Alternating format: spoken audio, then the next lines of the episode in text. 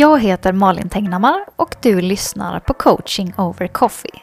En podcast från One Spoon Happiness där jag varje vecka över en kopp kaffe delar med mig av tankar, mindset och konkreta övningar för att skapa mer glitter i livet. Det här innehållet går också att hitta i videoformat på Instagramkontot at onespoonhappiness. Nu till veckans avsnitt. Hej och välkommen till coaching over coffee där vi idag ska prata om någonting superviktigt och superspännande. Nämligen vad som på engelska kallas Therapeutic Memory Reconsolidation. Vilket är i grunden handlar det om hur du kan förändra dina minnen så att du börjar må bättre.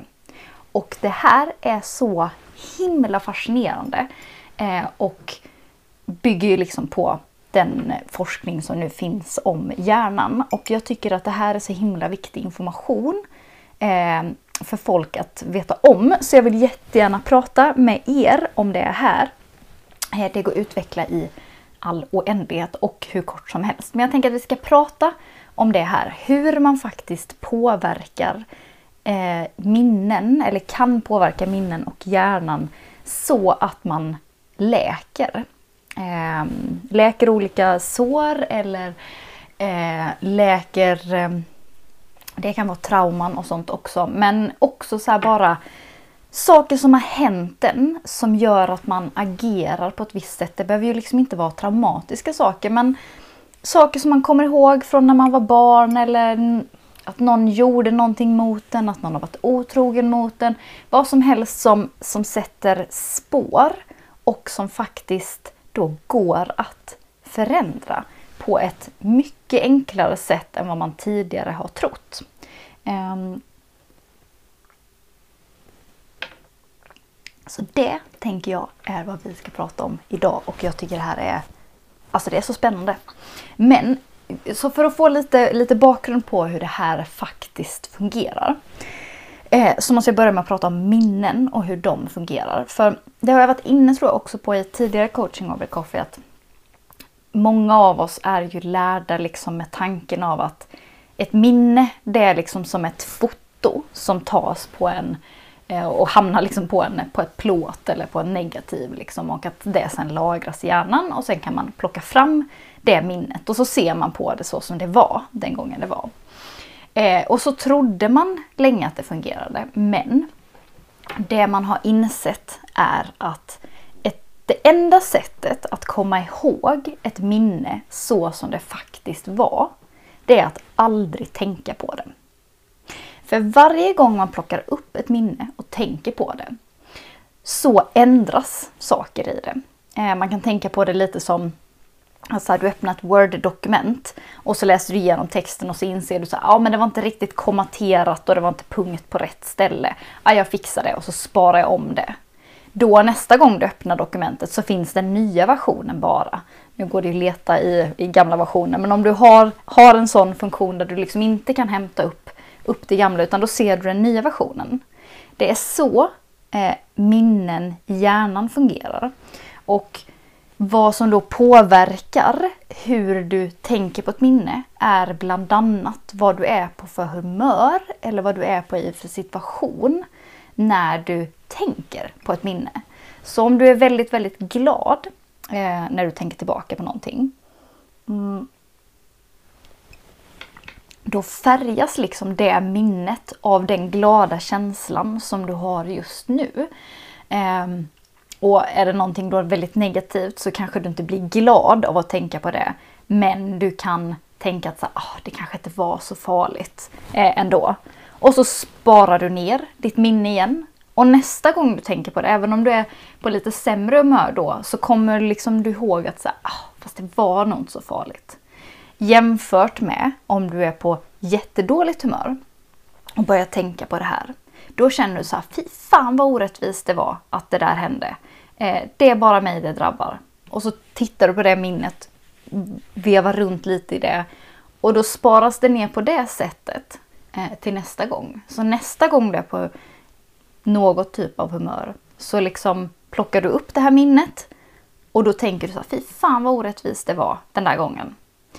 Eh, exakt så här fungerar det naturligtvis inte. Men det här är liksom den förenklade versionen av hur det fungerar. Det sker ju mycket mer subtilt.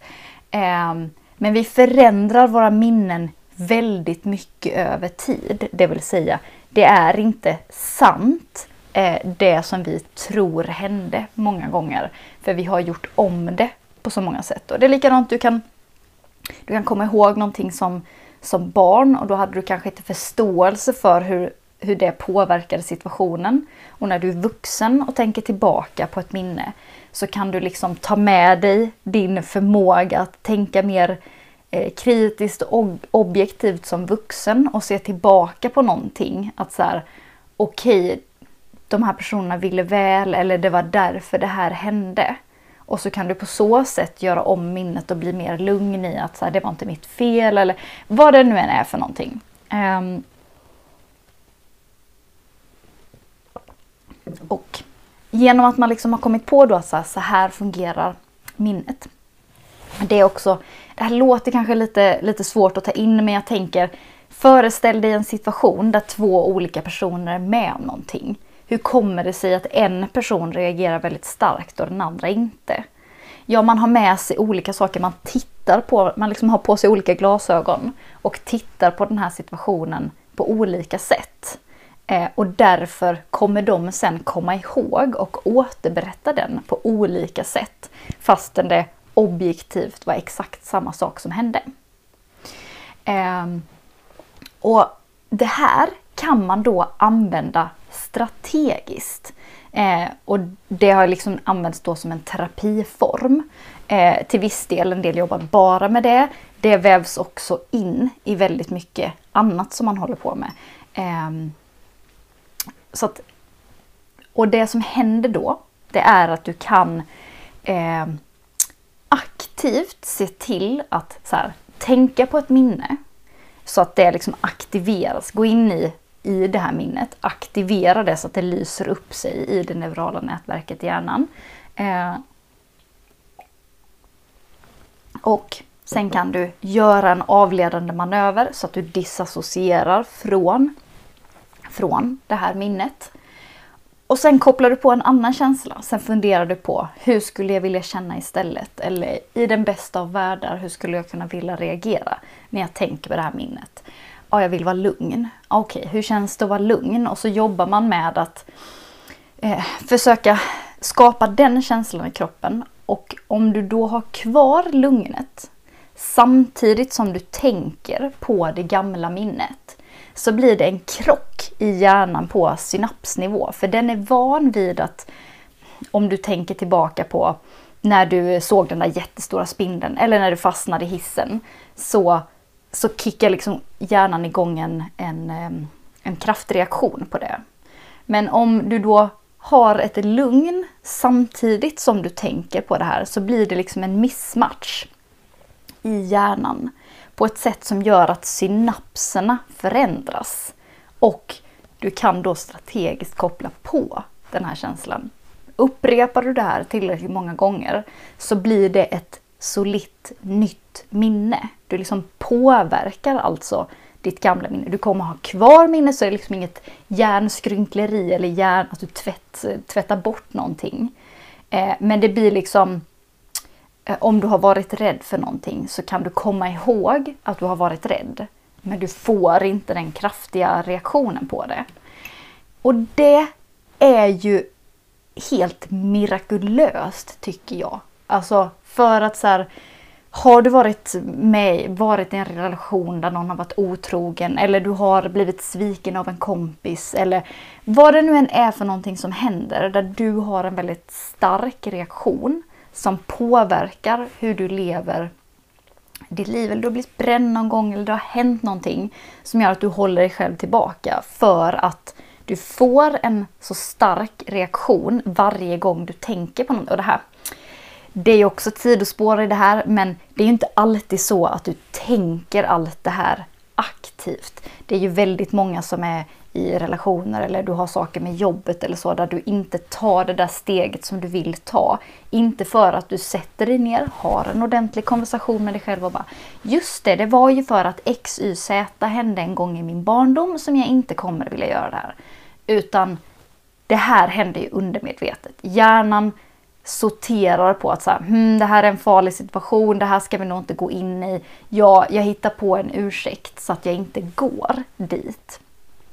Det är ju det som, som händer och rätt vad det är så hittar du dig själv i att du inte litar på din partner eller du, vad det nu är.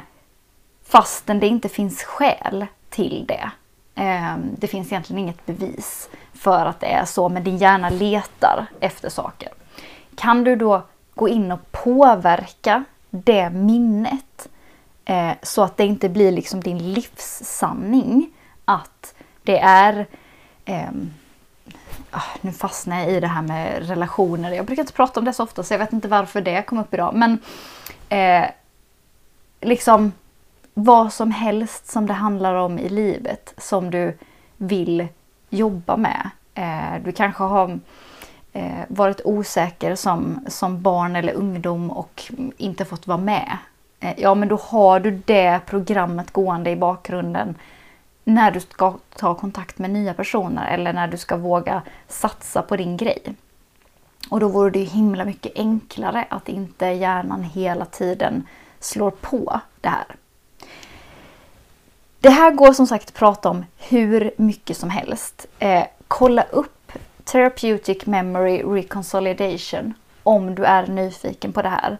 Eh, men det handlar ju till stor del om att du på ett terapeutiskt sätt kan förändra strukturen i din hjärna nere på synapsnivå.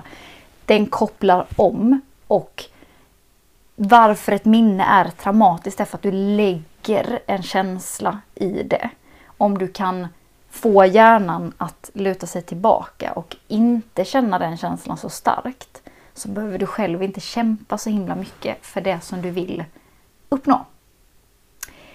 Jag tror att jag håller det där för jag kan prata hur länge som helst om det här men jag tycker att det är superviktigt att fler får del av hur det faktiskt funkar i hjärnan och hur möjlig förändring faktiskt är. Eh, när man för, liksom, det här sker automatiskt. Det är liksom att tiden läker alla sår. Det är en form av therapeutic memory reconsolidation för varje gång du tar upp och tänker på någonting så blir det lite mindre smärtsamt. Oftast, inte för alla. Men det gör då att med tiden så blir saker lättare. Ett minne blir inte lika hemskt. Du kan se tillbaka på någonting på ett annat sätt.